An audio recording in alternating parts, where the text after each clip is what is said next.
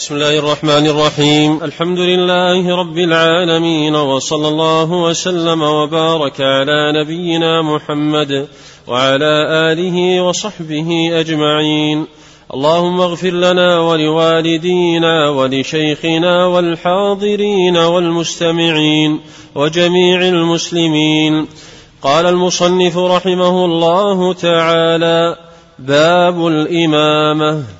عن أبي هريرة رضي الله عنه عن النبي صلى الله عليه وسلم قال أما يخشى الذي يرفع رأسه قبل الإمام أن يحول الله رأسه رأس حمار أو يجعل صورته صورة حمار؟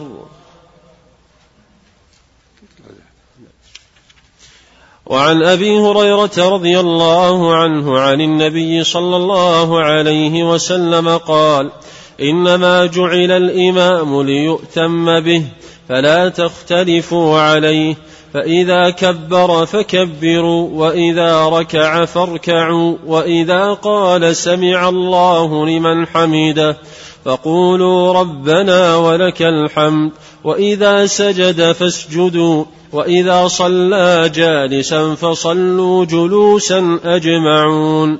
وعن عائشة رضي الله عنها قالت صلى رسول الله صلى الله عليه وسلم في بيته وهو شاك فصلى جالسا فص... شاك. شاك أحسن الله إليك يا شيخ. قالت صلى رسول الله صلى الله عليه وسلم في بيته وهو شاك فصلى جالسا وصلى وراءه قوم قياما فأشار إليهم أن اجلسوا فلما انصرف قال إنما جعل الإمام ليؤتم به فإذا ركع فاركعوا وإذا رفع فارفعوا وإذا قال سمع الله لمن حمده فقولوا ربنا ولك الحمد وإذا صلى جالسا فصلوا جلوسا أجمعون. بسم الله الرحمن الرحيم. الحمد لله نحمده ونستعينه ونستغفره ونشهد أن لا إله إلا الله وحده لا شريك له وأن محمدا عبده وخليله ورسوله. ونصلي ونسلم على سيد البشر المبعوث رحمة للعالمين الذي بلغ الرسالة وأدى الأمانة ونصح للأمة وجاهد في الله حق جهاد صلوات الله وسلامه عليه ورضوانه سبحانه وتعالى على صحابته أجمعين وعلى من سار على نهجهم إلى يوم الدين. في هذه الأحاديث شيء ما يتعلق بالإمامة. الحديث الأول فيه تحذير للمأموم الذي لا يتقيد بالمتابعة ويسابق الإمام ويسبق في بعض أعماله. وقال عليه الصلاة والسلام أما يخشى هذا الذي يسابق الإمام. أن يجعل الله رأسه رأس حمار أو يقلب رأسه رأس حمار أو صورته صورة حمار. وهذا تحذير وتنفير من هذه الأعمال. المأموم ينبغي أن يكون في جميع أعماله التنقلية في عبادته متقيدا بمتابعة الإمام. لا يجريه بحيث يكون موافقا له تمام الموافقة وإنما يكون متابعا له تمام المتابعة. وبينت الأحاديث التي تلت هذا الحديث هذه الكيفية. ويكفي للزجر والتحذير هذا القول من سيد البشر. ومعنى ذلك أن الإنسان الذي لا يتقيد بالمتابعة الحقة يخشى أن يمسخ. والله على كل شيء قدير. وإذا لم يمسخ صورة قد يكون يمسخ معنى فيكون في بلادة متناهية. والحمار هو نوع من مضارب المثل في البلادة. حتى يقال إن هذا تعليم لو علمه الحمار لتعلم. عندما تتكرر صورة التعليم ولا يفقه المعلم ما يضرب المثل بحيوان آخر. وإنما كان الحمار هو الموضع للتمثيل وفي هذا الحديث ليس المقصود التمثيل المقصود التحذير والإنذار. والمصطفى صلى الله عليه وسلم لا يتحدث تحديثا تخييلي وإنما يتحدث بالحديث الذي هو يعلم أن الله جل وعلا قادر على كل شيء. وربنا قص علينا في القرآن الكريم قصص الناس الذين بدل صورهم الظاهرة بصور أخرى.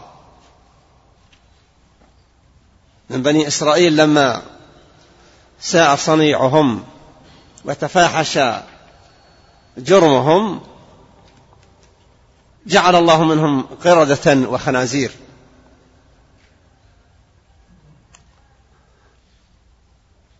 ثم في فيما تلا هذا الحديث التحذيري الذي ساقه سيد البشر لينتبه الناس وانتباههم يقتضي أن الواحد منهم يحرص على إلقاء باله لهذا الإمام ووقوفه وانتقاله بحيث لا يتخلف عن الإمام ولا يتقدم عليه. وضحت المقام الألفاظ التالية. إنما جعل الإمام ليؤتم به ليتبع.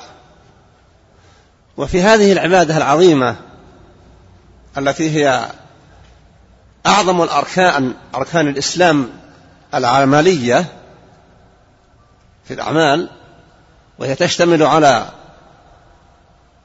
ركنين من أركان الإسلام. هما الشهادتان والصلاة.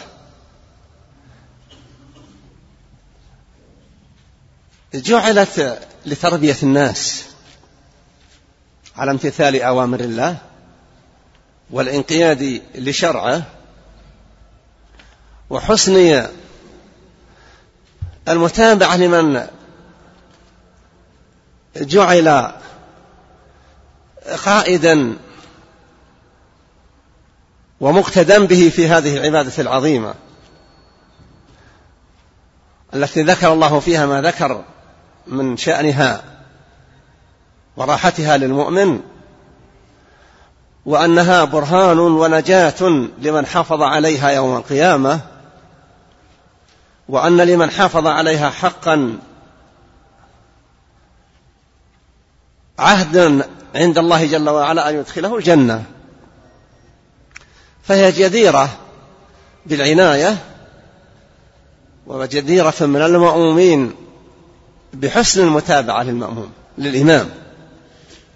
يقول إنما جعل للإمام ليؤتم به. فإذا كبر فكبروا. ثم جاء بالعطف من الحروف العربية المقتضية للتعقيب للترتيب والتعقيب لأن حرف الفاء في حروف العطف في لغة العرب يقتضي المتابعة والتعقيب. حرف الواو حرف عطف لكنه لا يقتضي الترتيب حتما. ولا يقتضي التعقيب العجل. ولهذا يعطف في حرف الواو معطوفات قد يكون بعضها ليس في وقت بعض لكن في حرف الفاء فإنها تسمى التعقيبية أي أن ما بعدها يكون عقب ما قبلها.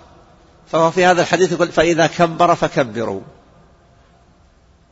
يعني ليس من حق ولا يسوغ للمأموم أن يكبر في الدخول في الصلاة قبل دخول الإمام. وإذا كبر ما صح تكبيره.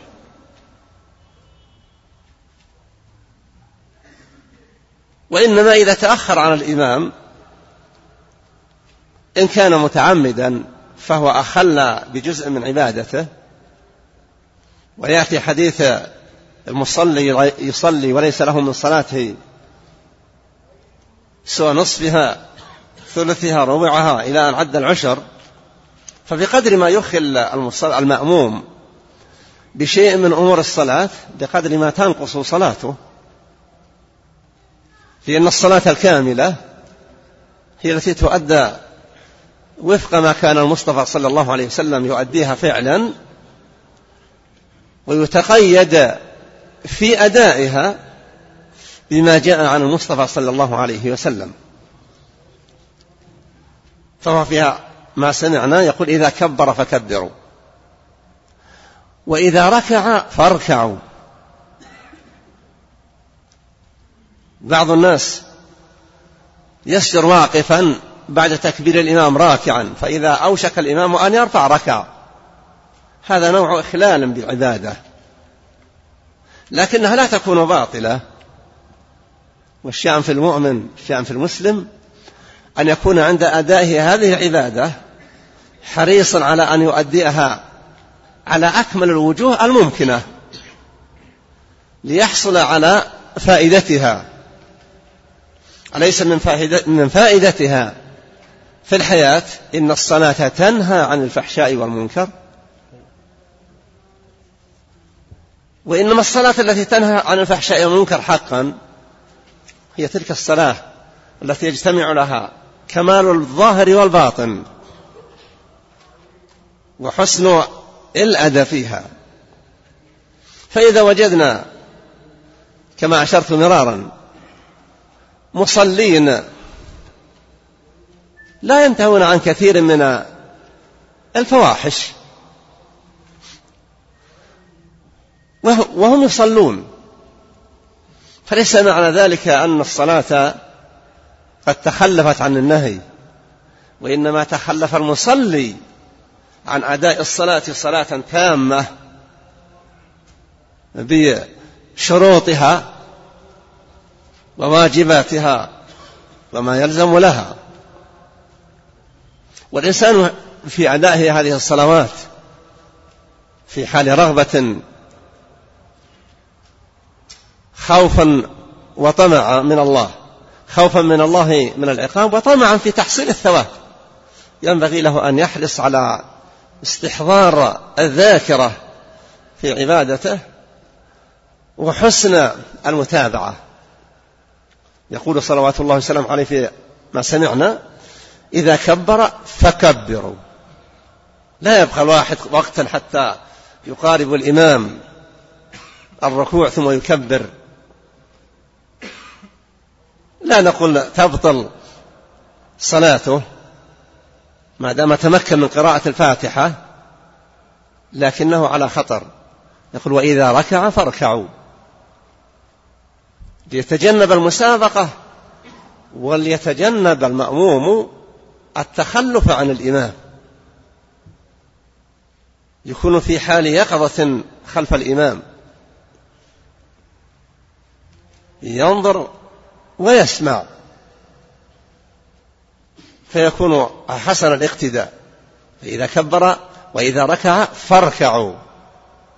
وإذا قال سمع الله لمن حمده فقولوا ربنا لك الحمد أو ربنا ولك الحمد أو اللهم ربنا ولك الحمد. كل هذه ألفاظ جائزة. هل نحن ملزمون بهذا اللفظ فقط؟ أو يسوغ لنا أن نقول مثل الإمام أيضا سمع الله لمن حمده. لأن معنى سمع الله لمن حمده معناها استجاب الله حمد من حمده. وإذا الله استجاب حمد العبد وهو شكره لربه جل وعلا فإن الله جل وعلا لا يقبل لا يستجيب لعمل دون أن يرتب عليه فائدة للعامل. فهو سبحانه وتعالى أكرم الأكرمين. والمسألة فيها خلاف بين أهل العلم هل من حق المأموم أن يقول سمع الله لمن حمده؟ هو الأفضل أن يتقيد بلفظ الحديث المخرج في الصحيحين. ويكمل بقية الذكر المتعلق بالانتقال من الركوع فإذا قال ربنا ولك الحمد أو اللهم ربنا ولك الحمد حمدا كثيرا طيبا كما يحب ربنا ويرضى أو حمدا كذا وكذا حسب الألفاظ الواردة التي كلها في الصحيح. ملء السماوات وملء الأرض وملء ما شئت من شيء بعد أهل الثناء والمجد. أحق ما قال العبد يعني أنت أحق ما قال العبد من الثناء. إلى آخره. أو يقول اللفظ الآخر حمدا كثيرا طيبا مباركا كما يحب ربنا ويرضى. وهذا اللفظ هو الذي سأل النبي صلى الله عليه وسلم من القائل كذا فسكت الصحابة؟ قالوا أنه لم يقل سوءا. قال رجل أنا. قال لقد رأيت بضعة عشر ملكا يتسابقون لكتابة هذا اللفظ. وهو مخرج في الصحيح. لكن الذي فيه بين أيدينا هو ما سمعنا. وإذا قال سمع الله لمن حمده قول ربنا ولك الحمد. يعني لا يسبق المأموم الإمام بالانتقال من الركوع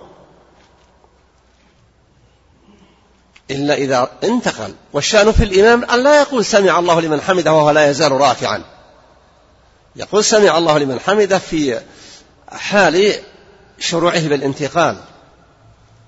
لكن يحرص على أن انتهاءه من هذا اللفظ يكون قد استتم واقفا.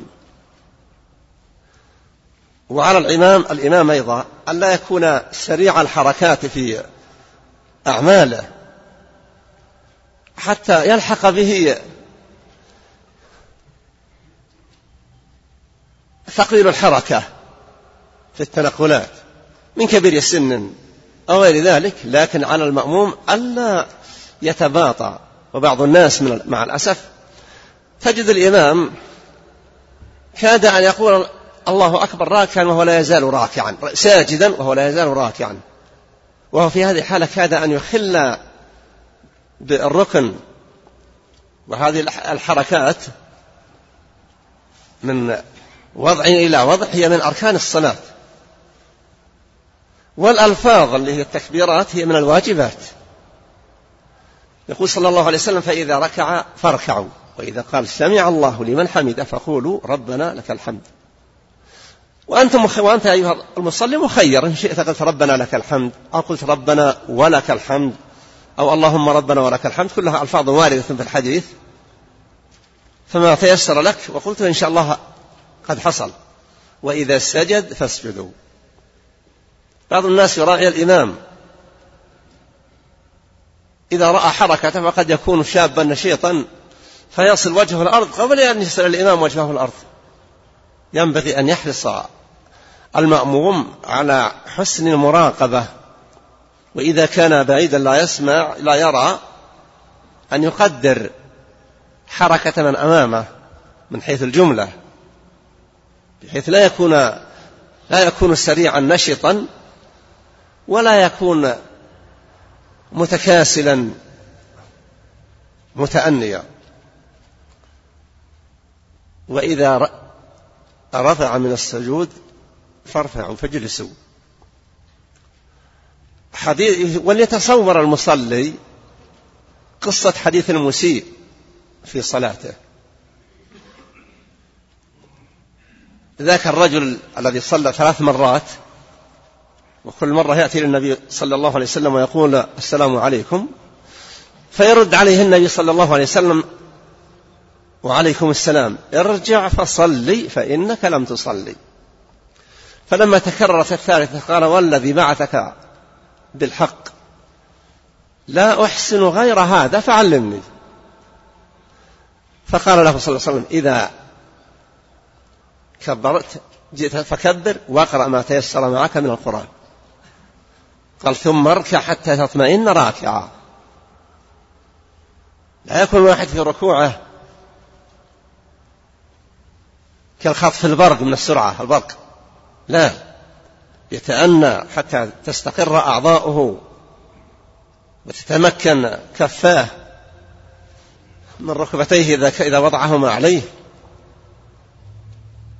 ويسبح ما أمكنه من التسبيح. والأفضل أن يكثر من سبحان ربي العظيم في هذا الركوع وله أن يقول سبحانك اللهم ربنا وبحمدك اللهم اغفر لي. وقد ذكرت عائشة رضي الله عنها في بعض الأحاديث الصحيحة لكن يبادر للتسبيحات لأن فيه فرق بين تعظيم الله وتعظيم المخلوقين للمخلوقين. كان تعظيم العظماء من أهل الدنيا أن ينحني الإنسان لمن يعظمه. فشرع الله لنا هذا الانحناء وشرع لنا في هذا الانحناء أن نقول سبحان ربي العظيم.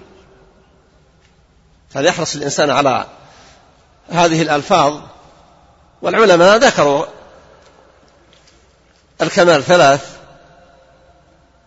والأتم والأكمل عشر والواجب واحدة. وينبغي أيضا أن لا تقل التسبيحات عن واحدة لكن كلما أكثر فهو أفضل. لا سيما والثناء على الله جل وعلا وتمجيده يسمى دعاء العبادة. يسمى دعاء العبادة. ودعاء العبادة أفضل من دعاء المسألة. دعاء العبادة لما تقول اللهم أنت الكريم المنان أنت الرؤوف الرحيم أنت الغني الماجد أنت أنت كأنك تطلب من مقتضى هذه الصفات أن يحقق لك ما أنت مفتقر إليه. لكن مع ذلك يشرع لك أن تطلب والنبي في ركوعه يقول في حديث عائشة سبحانك اللهم وبحمدك اللهم اغفر لي. ويقول ذلك أيضا في سجوده. لكن الإكثار النبي لما نزلت آية فسبح باسم ربك العظيم قال اجعلوها في ركوعكم. لأن إذا كان عظماء الدنيا يمجدون ويحترمون بالانثناء أمامهم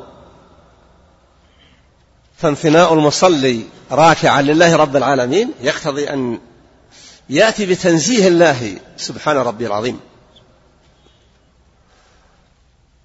إذا وقف إن صلى الواحد منفردا فهو حسب إرادته في الإطالة. إذا أطال الوقوف لأن لفظ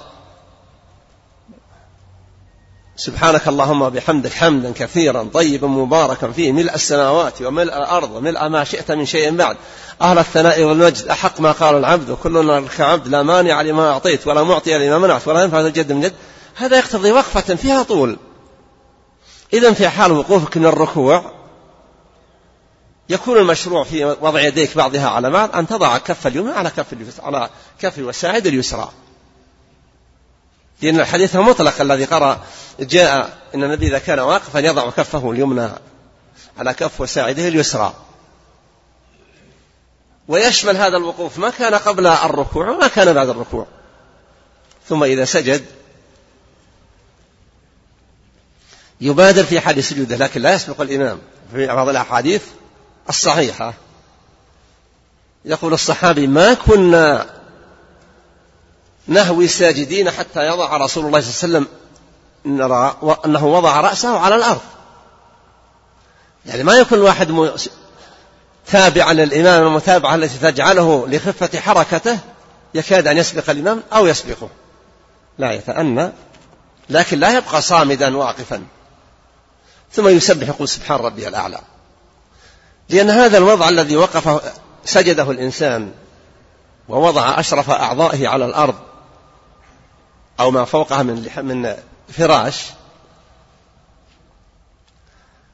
اقتضى أن, أن يتذكر علو الله جل وعلا. فناسب في هذا الموقع الذي هو يرى أن انخفاض وجهه وإلصاقه بالخد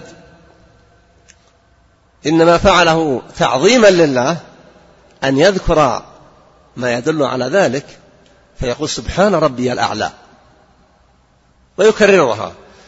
ولما نزل قوله جل وعلا سبح اسم ربك الأعلى أمر المصطفى صلى الله عليه وسلم أن تكون في السجود. لأنها أنسب من سبحان ربي العظيم. سبحان ربي العظيم أنسب من مواقعها الركوع. سبحان ربي الأعلى أنسب مواقعها السجود.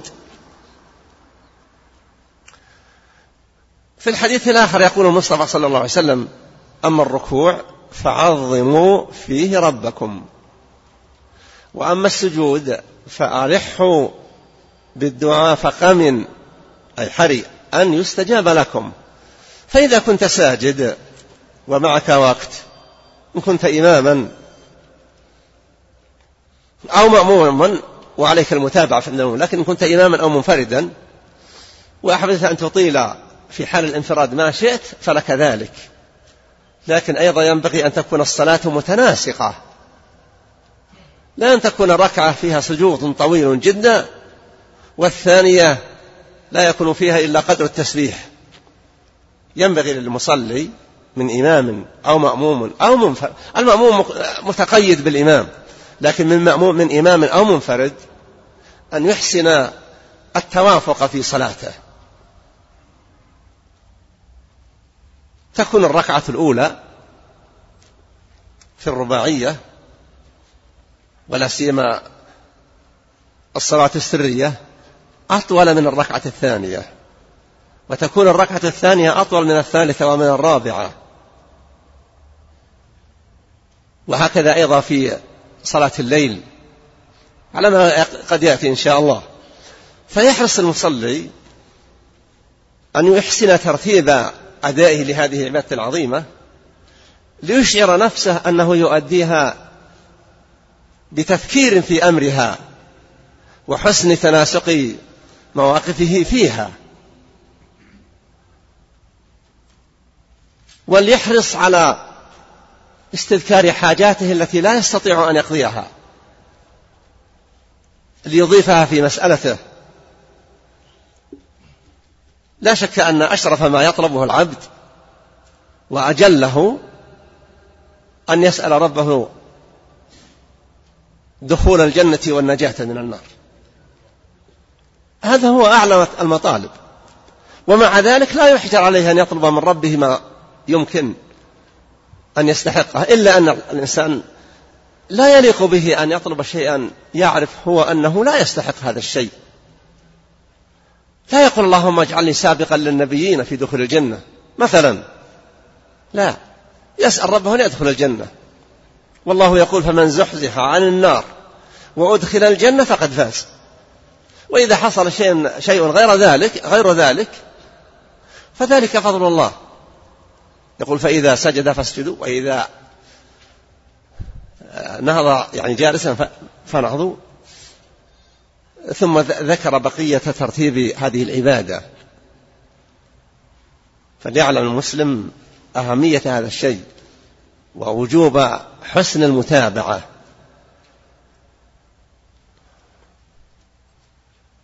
وأن يكون مستحضرا لما يؤديه من العبادة.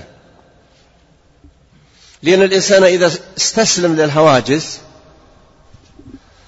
فالشيطان جريء وجاد قد يشغله لا يدرى كم صلى من ركعة. ويمكن إذا نهض الإمام لخامسة ما صار عنده أي تفكير وربما لا سبحوا ظن أنهم غلطوا.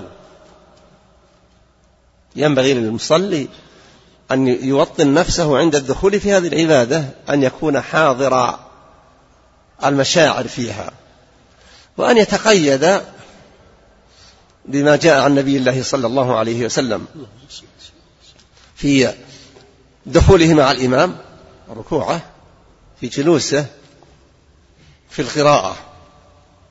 في بعض ألفاظ الحديث وإذا قرأ فأنصتوا وليس في الحديث اللي معنا الآن. هل هو هذا الإنصات يمنع من قراءة الفاتحة أو لا؟ محل خلاف بين العلماء ولا شك أن الراجح أن الفاتحة واجبة في كل صلاة للإمام والمأموم والمنفرد.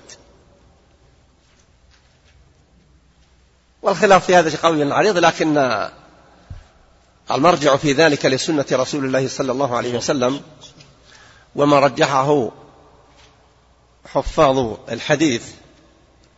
والسنة ولله الحمد هي نفسها تشعر بذلك. لأن الحديث القدسي الذي يقول الله جل وعلا فيه قسمت الصلاة بيني وبين عبدي نصفين ولعبدي ما سأل. إذا قال العبد الحمد لله رب العالمين قال الله جل وعلا حمدني عبدي. هذا الساكت ما قال شيئا. وإذا قال الرحمن الرحيم قال أثنى علي عبدي وإذا قال مالك يوم الدين قال مجدني. فإذا قال إياك نعبد وإياك نستعين هذه ليست مبنية على مجرد اللفظ. قال هذا بيني وبين عبدي. يعني إذا كان صادقا في أنه مخلص في العبادة لي وأنه إنما يستعين بربه جل وعلا قال ولعبدي ما سأل. وإن كان غير ذلك فقد قال النبي صلى الله عليه وسلم إنما الأعمال بالنيات.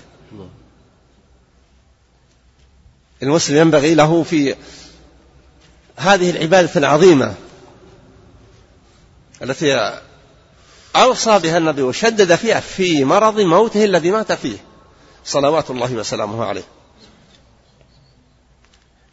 وإذا صلى جالسا فصلوا وإذا صلى جالسا فصلوا جلوسا أجمعون. هذه محل خلاف بين العلماء. هل هي استمر الوضع فيها؟ أو تغير. هم لما صلوا صلى عليه الصلاة والسلام قال كدتم أن تفعلوا فعل فارس والروم. ليس في حديثنا اللي بين دينا يقفون عند على رؤوس عظمائهم. إنما جعل الإمام ليؤتم به وسرد الألفاظ التي مرت وقال وإذا صلى جالسا فصلوا جلوسا أجمعون. ولما صلوا خلفه لما صار فيه جراحة وكان شاكيا أشار إليهم أن اجلسوا فلما فجلسوا فلما سلم صلى الله عليه وسلم قال إنما جعل الإمام ليؤتم به. وقال ما سمعناه واختلف العلماء فيما بعد. النبي عليه الصلاة والسلام في مرض موته الذي مات فيه جاء وصلى بجنب أبي بكر جالسا وصلى أبو بكر قائما. ولم يأمر النبي صلى الله عليه وسلم الناس بالجلوس. فقيل لأن هذا الفعل الأخير ناسخ للعمل الأول. لكن النبي عليه الصلاة والسلام لم يقل شيئا من ذلك. وإنما أخذ ذلك من فهمه. ثم لم يعرف أن الخلفاء الراشدين الأربعة أن أحدا منهم صلى جالسا ليعرف مدى تطبيق ذلك العمل بعد وفاة النبي صلى الله عليه وسلم. الذين قالوا عن استمرار الحكم وأنه لا نسخ قالوا إن النبي صلى الله عليه وسلم أن الذي يؤم الناس أبو بكر. بدأ بهم واقفا وكان الحال أن من بدأ واقفا صلى الناس خلفه ولو جلس. والذين قالوا لا أن النبي هو ولذلك إن أبو بكر كان بجانب النبي صلى الله عليه وسلم وهو الذي أم. والذين قالوا إن هذا الفعل لا يمكن أن يكون النبي صلى الله عليه وسلم بجانب أبي بكر ويكون الإمام أبو بكر لأنه في المرة الأولى لما جاء أبو بكر يؤم الناس وكان أبو بكر لا يلتفت في صلاته. فلما أكثروا من التنبيه يلتفت وإذا برسول الله صلى الله عليه وسلم وقفا خلفه يريد أن يصف أو ما له أن أثبت في مكانك أثبت مكانك. فرفع يديه أبو بكر للسماء يعني حمدا لله ثم تأخر فتقدم النبي وصلى بهم. هذه المرة لم يتأخر أبو بكر ولم يؤخر. قيل إنه لأن صوت النبي صلى الله عليه وسلم لمرضه ضعيف ضعيف. فالله أعلم بهذا وذاك.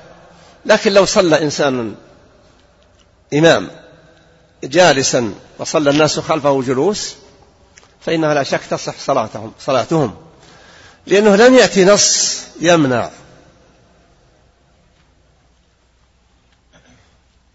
والأصل أن الحديث الأول صحيح.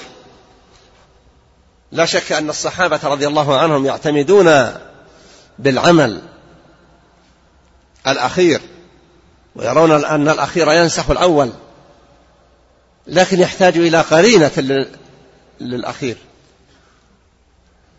ولهذا اختلف العلماء المتقدمون في هل يصلي المأموم قائما والإمام يصلي جالسا أو لا إلا أن الأولى أنه لا يؤم الناس بالفرائض من لا يقدر على القيام. لئلا يحوج الناس أن يختلفوا عليه أو لئلا يحرجهم أن يصلوا صلاة يرون أنها أقل مما كان ينبغي لهم أن يفعلوا. ولذلك إذا كان عاجزا عن القيام فليترك الإمامة لمن لا يعجز عنها يعجز عنها. بل إذا كان يعجز عن أمور كثيرة قد يعجز عن السجود. لكن يقدر على القيام. الأولى به إذا كان لا يستطيع أن يسجد أن يدع الإمامة لمن يؤدي العبادات في هذه الفريضة العظيمة على الوجه الذي أداها به رسول الله صلى الله عليه وسلم. اللهم أحسن الله إليك. حديث عائشة صلى النبي صلى الله عليه وسلم في بيته وهو شاك فصلى جالسا وصلى وراءه قوم. صلوا وراءه وأمرهم أن يجلسوا. قد لا تكون هذه فريضة. قد تكون نافلة. وقد تكون فريضة. لكنه في في الفريضة أو النافلة إنما جعل الإمام ليؤتم به. إلا أن النافلة يتسامح في القيام فيها مع القدرة عليه أن يصلي الإنسان جالسا. بينما الفريضة لا تصح من القادر على القيام إلا قائما. النبي عليه الصلاة والسلام يقول صلي قائما فإن لم تستطع فقاعدا فإن لم تستطع فعلى جنب. فمعناه التحول من وضع إلى وضع في الفريضة محتاج إلى أن يكون السبب فيه عدم الاستطاعة. وأما المستطيع فلا تصح صلاته إلا في القيام. شيء بعض؟ نقرأ حديث بعده. حديث عبد الله بن يزيد الخطمي. لا. وعن عبد الله بن يزيد الخطمي الأنصاري رضي الله عنه قال حدثني البراء وهو غير كذوب قال كان رسول الله صلى الله عليه وسلم. وهو رجل غير كذوب. لا. قال كان رسول الله صلى الله عليه وسلم إذا قال سمع الله لمن حمده لم يحن منا أحد ظهره حتى يقع رسول الله صلى الله عليه وسلم. حتى يقع رسول الله صلى الله عليه وسلم ساجدا. ثم نقع سجودا بعده. هذا الحديث يبين فعل الصحابة رضي الله عنهم عند النبي صلى الله عليه وسلم. وفعلهم هذا يدل على أنه الحق لأنه لو كان ينبغي لهم أن يتحولوا بمجرد ما يكبروا هاويا للسجود أن يتابعوه لأرشدهم إليه رسول الله صلى الله عليه وسلم. بل هم في قولهم هذا لا يحني أحد منا ظهره حتى يسجد النبي صلى الله عليه وسلم ثم نهوي ساجدين. أنهم يظلون واقفين حتى يغلب على ظنهم أنه وصل في سجوده للأرض صلوات الله وسلامه عليه. ولا شك أنهم قدوة في هذا. هم الذين نقلون أقوال رسول الله صلى الله عليه وسلم وأفعاله وتقريره لما يبلغه من أفعال وأقوال وأعمال فلولا فضل الله علينا جل وعلا بهم ما جاءتنا الشريعة حية نقية صافية لا كدر فيها ولهذا كان حقا علينا أن نحقق قول الله جل وعلا فينا وفيهم والذين جاءوا من بعدهم يقولون ربنا اغفر لنا ولإخواننا الذين سبقونا في الإيمان. ولا تجعل في قلوبنا غلا للذين آمنوا. ما قال غلا للخلق؟ يعني لا يحل للمسلم ولا للمؤمن أن يكون في قلبه غل للمؤمنين. وأما آه، غير أهل الإيمان فالله يقول لا تجد قوما يؤمنون بالله واليوم الآخر يوادون من حاد الله ورسوله. أي لا مودة حقيقة بين الكافر والمؤمن ولا بين الكفر والإيمان.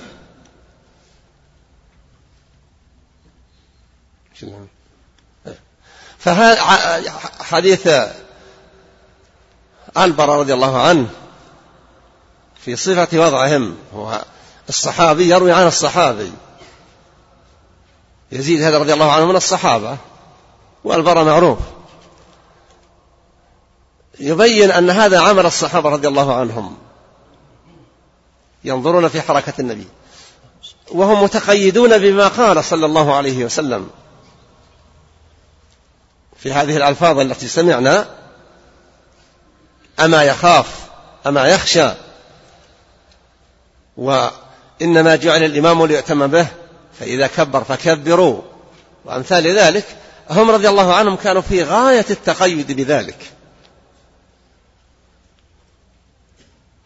لأنهم في حبهم للخير وحرصهم على أخذهم العلم قولا وعملا وشعورهم بما من الله به عليهم من الهداية مما كانوا عليه قبل محمد صلى الله عليه وسلم. جعلهم رضي الله عنهم وأرضاهم في غاية الكمال والجمال العملي. ولهذا قال عنهم رسول الله صلى الله عليه وسلم خير الناس القرن الذين بعثت فيهم. يعني لو قيل للإنسان من خير الناس في أمة محمد؟ قيل الصحابة. الصحابة هم خير الناس في هذه الأمة.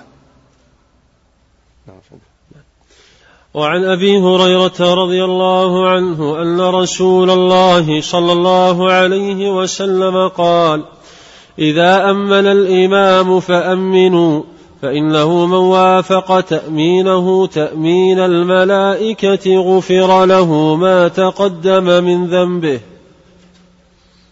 ما له تكمله الحديث إيه؟ لا إلى هنا. هذا في قراءة الفاتحة. هذه السورة العظيمة التي هي ركن من أركان الصلاة. وهي أعظم سورة في القرآن الكريم. واشتملت على ما اشتملت عليه. من حمد الله والثناء عليه وتمجيده وإعلان العبودية له. وإظهار الاستعانة من عبيده به. ودعاء العباد الصادقين أن يسلك الله بهم طريق أهل الهداية. وأن ينجيهم من طريق أهل الغضب. والضلال مش اشتملت على التمجيد والثناء والدعاء العبادة ودعاء المسألة ودعاء المسألة. فناسب أن يقول فيها القارئ بعد هذا الانتهاء آمين. يعني اللهم استجب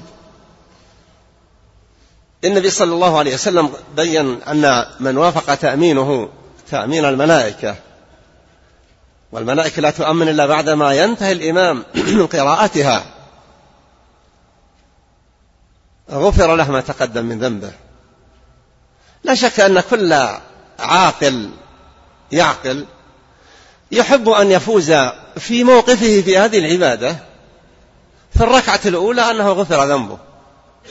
حتى يكون في بقية الصلاة إنما يأتي يجني أرباحا ومكاسب. فيحتاج المسلم أن يحسن الإنصات في القراءة بقدر ما يستطيع. وقد يكون بعض الأئمة لا يدع فرصة للمأموم أن يقرأ الفاتحة. والشأن في المأموم أنه يترجى يترسى في القراءة. لا يواصل ويواظب. ومما يلاحظ عليه على بعض الأئمة أنه ربما قرأ فاتحة الكتاب بنفس واحد. وكان اللائق في قراءة الفاتحة أن يقف عند رأس كل آية. وكذلك في السور ينبغي للإمام والمصلي أن يحرص على أن يقف عند رؤوس الآيات. لماذا وضعت هذه الآيات وجعل بينها ما يدل على انتهاء الآية؟ وهذا الوقوف عند رؤوس الآيات بدون وقفة طويلة يجعل الله فيه للعبد مجالا للتفكير في معنى الآية إذا كان يستطيع أن يتصور. والغالب ولله الحمد أن العربي الذي يقرأ القرآن يعرف معاني كثير مما يقرأ. لكنه ولله الحمد يثاب على القراءة. عرف معاني ما يقرأ معاني ما يقرأ أو لم يعرفها. له بكل حرف أجره. بعض العلماء لا يرى الجهر بآمين لكن الأحاديث الصحيحة هي الذي التي لها الحكم لا لاجتهادات الناس. ولعل من لم يرى الجهر بآمين. لم يبلغه الحديث وقرر ما قرره من الفقه ولإحسان ظن أتباعه به ومقلديه. ظنوا أن هذا هو الفهم الصحيح. ولا شك أن فهم أقوال رسول الله صلى الله عليه وسلم ليست وقفا على أحد. المهم أن يكون فهمها فهمها مبنيا على ما تقتضيه لغات العرب. نعم. أحسن الله إليك. وعن أبي هريرة رضي الله عنه أن رسول الله صلى الله عليه وسلم قال إذا صلى أحدكم للناس فليخفف فإن فيهم الضعيف والسقيم وذا الحاجة وإذا صلى أحدكم لنفسه فليطول ما شاء. وعن أبي مسعود الأنصاري رضي الله عنه قال جاء رجل إلى رسول الله صلى الله عليه وسلم فقال إني لا تأخر عن صلاة الصبح من أجل فلان مما يطيل بنا. فما رأيت النبي صلى الله عليه وسلم غضب في موعظة قط أشد مما غضب يومئذ. فقال يا أيها الناس إن منكم منفرين فأيكم أما الناس فليوجز فإن وراءه الكبير والصغير وذا الحاجة. لا شك هذا حديث عظيم. أولا هذا الإيجاز. ليس معناه أن الإنسان يقرأ أقصر سورة. وإنما عليه أن يراعي أحوال المصلين. أشرف الخلق صلى الله عليه وسلم يدخل في الصلاة ونيته أن يمد في القراءة فيسمع بكاء الطفل الرضيع فيتجوز في صلاته لما يعلم من وجد أم الطفل به. فمراعاة أحوال الناس. وهذا الصحابي هذا غير قصة معاذ. معاذ رضي الله عنه كان يصلي العشاء مع النبي صلى الله عليه وسلم. ثم يذهب ويصلي بقومه. فدخل رجل معه فشرع معاذ رضي الله عنه فيما أظن في سورة البقرة يقرأ. وهذا حراث ومتعب فما كان منه إلا أن تجوز في صلاته وترك الصلاة مع معاذ. فبلغه أن معاذ يقول نافق. فجاء إلى النبي صلى الله عليه وسلم وأخبره وقال كذا كذا فقال النبي صلى الله عليه وسلم لمعاذ أفتان أنت يا معاذ؟ أفتان أنت يا معاذ؟ ووجهه بأن يقرأ ببعض السور. لا أتذكر الآن لكن أظن في مثل سورة الليل إذا يغشى والضحى أو سبح اسم ربك الأعلى ذكر سورا مما آه، هو دون سورة عامة في ترتيب المصحف. وقال عليه الصلاة والسلام إن إذا صلى أحدكم الناس فليخفف فإن فيهم الضعيف يعني ضعيف البنية مريض. والكبير العاجز وذا الحاجة. يحب أن يدرك يدرك الصلاة مع الجماعة وإذا بالإمام يشرع بسورة طويلة فيتمنى أنه ما دخل معهم. قد يكون على رهبة السفر واستحيا أن يمر بالمسجد ولا يصلي مع الجماعة. وإذا بالإمام يتأخر بالمجيء ولما جاء أطال في القراءة. فينبغي للإمام أن يكون حسن التقدير لوضع صلاته وصلاة الجماعة. بعض الناس يؤخر يقصر تماما في صلاة المغرب ويستمر على ذلك إلا فيما ندر. ولما استنكر أحد الصحابة لقد قال لقد صليت مع النبي صلى الله عليه وسلم وصلى في المغرب بأطول الطوليين يقصد الطوليين الأنعام والأعراف وطولاهما سورة الأعراف. لكن ذلك ليس على إطلاقه دائما. يعني كل واحد يصلي المغرب باستمرار بالمعوذتين مثلا في الأولى والثانية ينبغي أن أن لا يكون ركوعه أو سجوده أطول من قيامه. وهو إذا سرد السورتين بسرعة احتاج أن يسبح فيكون الركوع بقدر القيام. ولهذا مراعاة المأمومين بالقدر الذي لا يخل ومراعاة الصلاة بالقدر الذي لا يمل هو المطلوب من الإمام.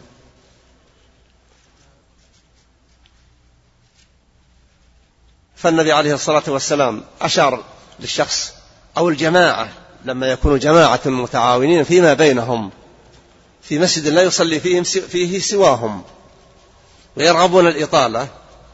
مثلا أو يرغبون تأخير صلاة العشاء إلى أن يمضي الثلث الأول من الليل جاز ذلك. إذا لم يترتب عليه مضايقات للآخرين. أو كانوا في برية مستقرين في نزهة من لأيام. جاز لهم أن يصلوا كما يحلو لهم لكن لا ينبغي أن يكون هناك فارق كبير بين القيام والركوع والسجود. إذا أطال القراءة ينبغي أن يطيل الركوع أن يطيل الوقوف بعد الركوع أن يطيل السجود أن يطيل الجلوس بين السجدتين. النبي في بيانه صلى الله عليه وسلم لهذه الأحوال كلها يقول سل حتى تطمئن. اعتدل واقفا حتى تطمئن جالسا حتى حتى إلى آخره. ويحسن بالمصلي وبالإمام أن يكون حافظا حديث المسيء صلاته وحافظا للأحاديث التي فيها بيان الأعمال التي تؤدى في الصلاة. حتى يستحضرها في وقوفه. النبي عليه الصلاة والسلام يقول صلوا كما رأيتموني أصلي. نحن في وقتنا هذا ما رأيناه. لكن قرأنا حديث وأخبار من رأوه رضي الله عنهم وأرضاهم. ولهم بعد رسول الله صلى الله عليه وسلم ثم رسول الله بعد النبي بعد الله جل وعلا لهم المنة علينا فيما بلغوه لنا. فنتقرب من الله بالترضي عنهم. فنسأل الله يجعلنا جميعا من محبيهم آمين. الصادقين في حبهم الصادقين في حسن المتابعة لهم. أحسن الله إليك. باب صفة صلاة النبي صلى الله عليه وسلم. لهذا نؤخره طيب. ونسمع أسئلة نطول عليهم. نعم أحسن الله إليك.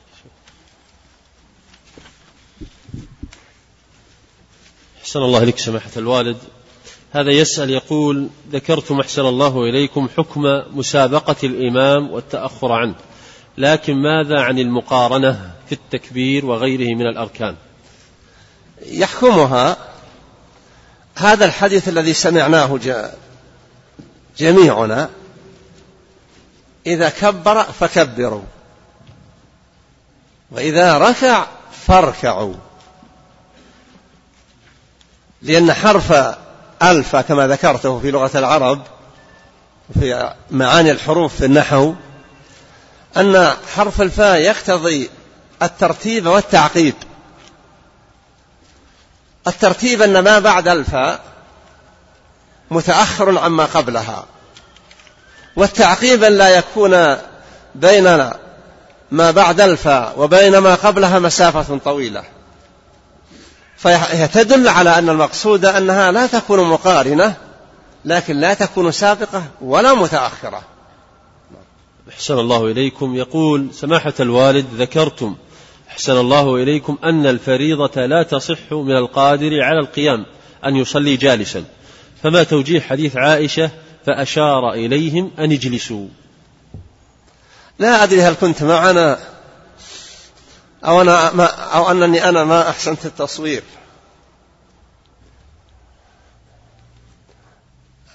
عائشة الحديث يقول فإذا إنما جعل الإمام ليؤتم به. فإذا صلى جالسا فصلوا جلوسا أجمعين أو, أو أجمعون في اللفظين كلها واردة. فنحن إنما نفعل هذا بأمره. وهو الذي قال صل قائما فإن لم تستطع فقاعدا. فأحاديثه صلى الله عليه وسلم لا يؤخذ واحد ويترك أخر. ولهذا فإن معرفة أحاديث النبي صلى الله عليه وسلم ما أشكل منها يرجع فيه إلى ما علم ولا يضرب بعضها أيضا للبعض.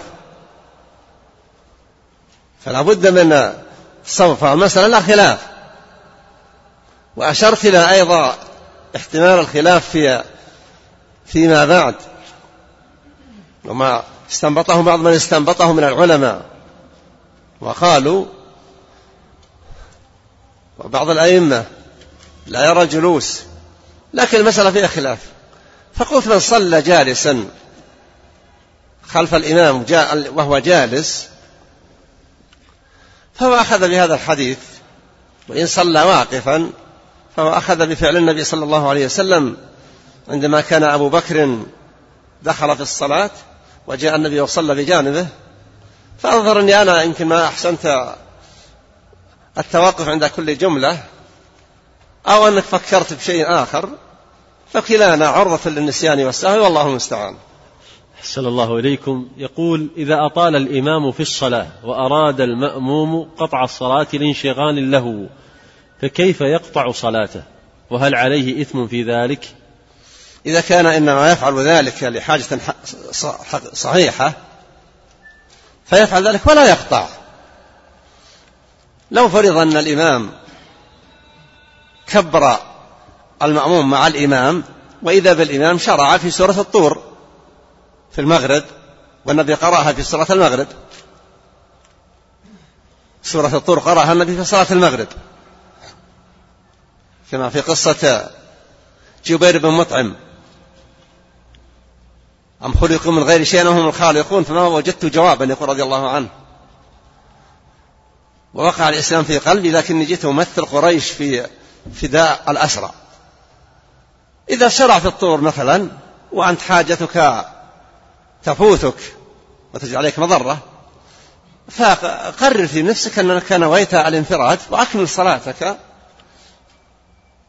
وأدها كاملة منصرفا عن الإمام والله يعلم المضطر من غير المضطر أحسن الله إليكم. وهذا سائل يسأل يقول إذا تأخر المأموم حتى يركع الإمام باختياره ولم يتمكن من قراءة الفاتحة فهل تصح الركعة؟ أما في الصلاة السرية لا أراها تصح. فإن المأموم مطلوب منه أن يقرأ الفاتحة. والإمام أيضا في هذه الحال لم يقرأ قراءة يسمعها المأموم حتى يقول على قول من يقول قراءة الإمام قراءة له. وإن كان الأصل أن المأموم نفسه نفسه مطالب بقراءة الفاتحة. والنبي عليه الصلاة والسلام قال لأصحابه لعلكم تقرؤون خلف إمامكم. قالوا إنا لنفعل ذلك. قال إني أقول ما لي أنازع القرآن. لا تفعلوا إلا بأم الكتاب.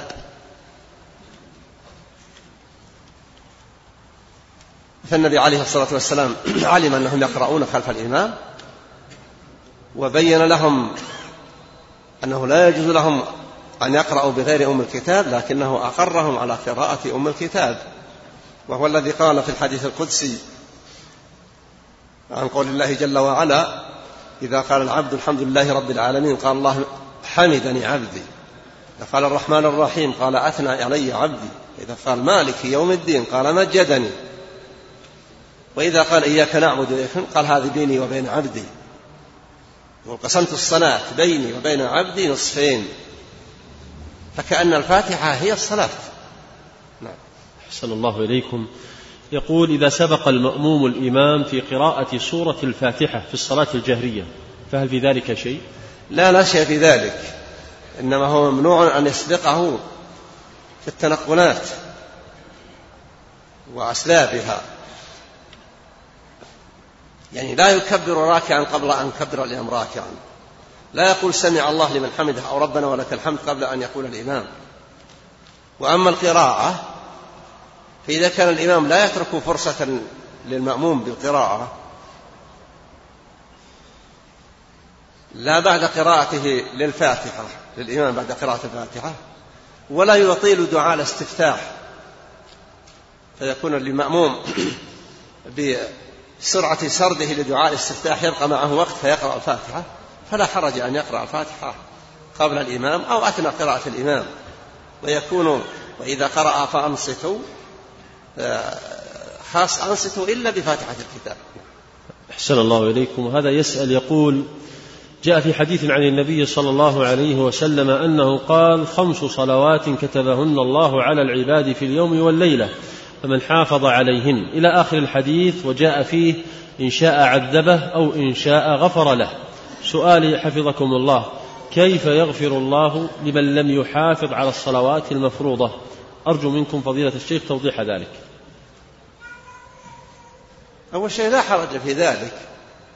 الله جل وعلا يقول في القرآن الكريم إن الله لا يغفر أن يشرك به ويغفر ما دون ذلك لمن يشاء. إذا فرضنا أن المقصر في الصلاة شاء الله أن يغفر له فهو لم يأتي بالشرك الذي لا يقبل الله منه معه عمل. إن الله لا يغفر أن يشرك به.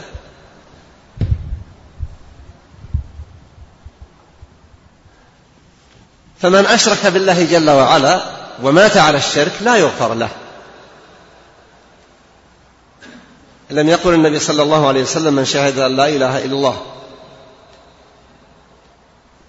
وأن رسول الله قال من حق غفر الله له. قال أبو ذر وإن زنى وإن سرق ما قال النبي لا يزني ويسرق قال وإن زنى وإن سرق. قال الثاني أبو ذر وإن زنى وإن سرق. قال النبي صلى الله عليه وسلم وإن زنى وإن سرق. قال في الثالثة النبي وإن زنى وإن سرق. فقال أبو هريرة أبو ذر وإن زنى. قال وإن زنى وإن سرق وإن رغم أنف أبي ذر. الزنا الله ذكر في سورة الفرقان. ولا يزون ومن يفعل ذلك يلقى عثاما يضاعف له العذاب ويخلد فيه مهانا. إذا مشيئة الله لا يرد يمنعها شيء إلا الشرك الأكبر. والشخص الذي قال في من حديث فتح المجيد قال والله لا يغفر الله لك. قال الله جل وعلا من ذا الذي يتألى علي؟ إني قد غفرت له وأحبطت عملك. أحسن الله إليكم. يسأل يقول إذا اشتريت من رجل بضاعة ثم بعد أن اشتريتها أعلمني أنه سرقها ولم تكن ملكا له فماذا علي في هذه الحالة؟ إذا أخبرك أنه سرقها فردها عليه ولا تتم البيع لأنك في هذه الحالة تعلم أنه باع عليك ما لا يملك. والشأن في البيع أنه يحل السلعة المبيعة لمشتريها.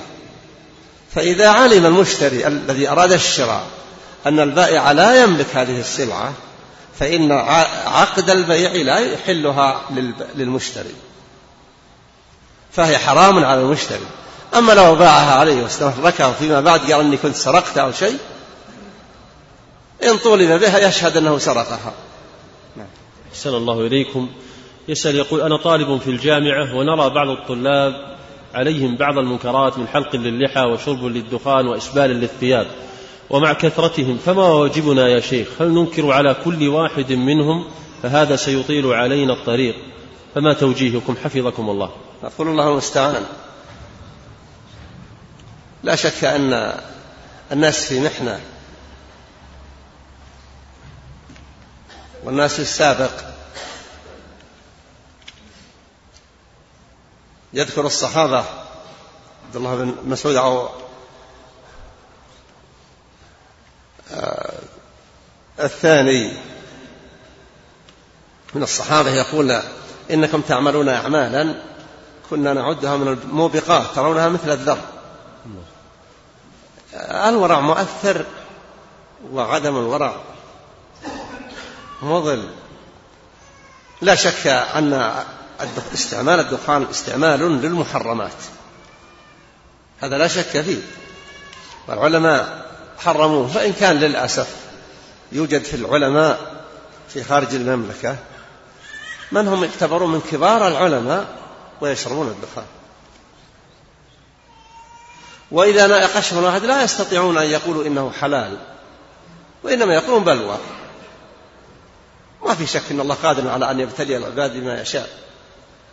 أما أنت أيها السائل فلا تحقرن أن تقول الحق لكن استعمل في قوله اللطف والأنات واستثارة النخوة الدينية. لا يليق بالمسلم أن يبلغه الخبر عن سيد البشر ثم يعمد إلى خلافه. الله يقول فليحذر الذين يخالفون عن أمره. أن تصيبهم فتنة أو يصيبهم عذاب أليم. ومخالفة أوامر النبي صلى الله عليه وسلم أو الجرأة على منهياته من أسباب فساد الحال وفساد المستقبل. فنسأل الله العافية. الإنسان, الإنسان لا يحتقر من المعروف شيء لكن ليحرص أن يكون في استنكاره المنكر مستعملا اللطف والمعروف. نعم. أحسن الله إليكم وهذا سائل يسأل يقول ما موقفنا مع هذه الهجمة التي تتوالى بين الفينة والأخرى على المشايخ والدعاة في الصحف وغيرها؟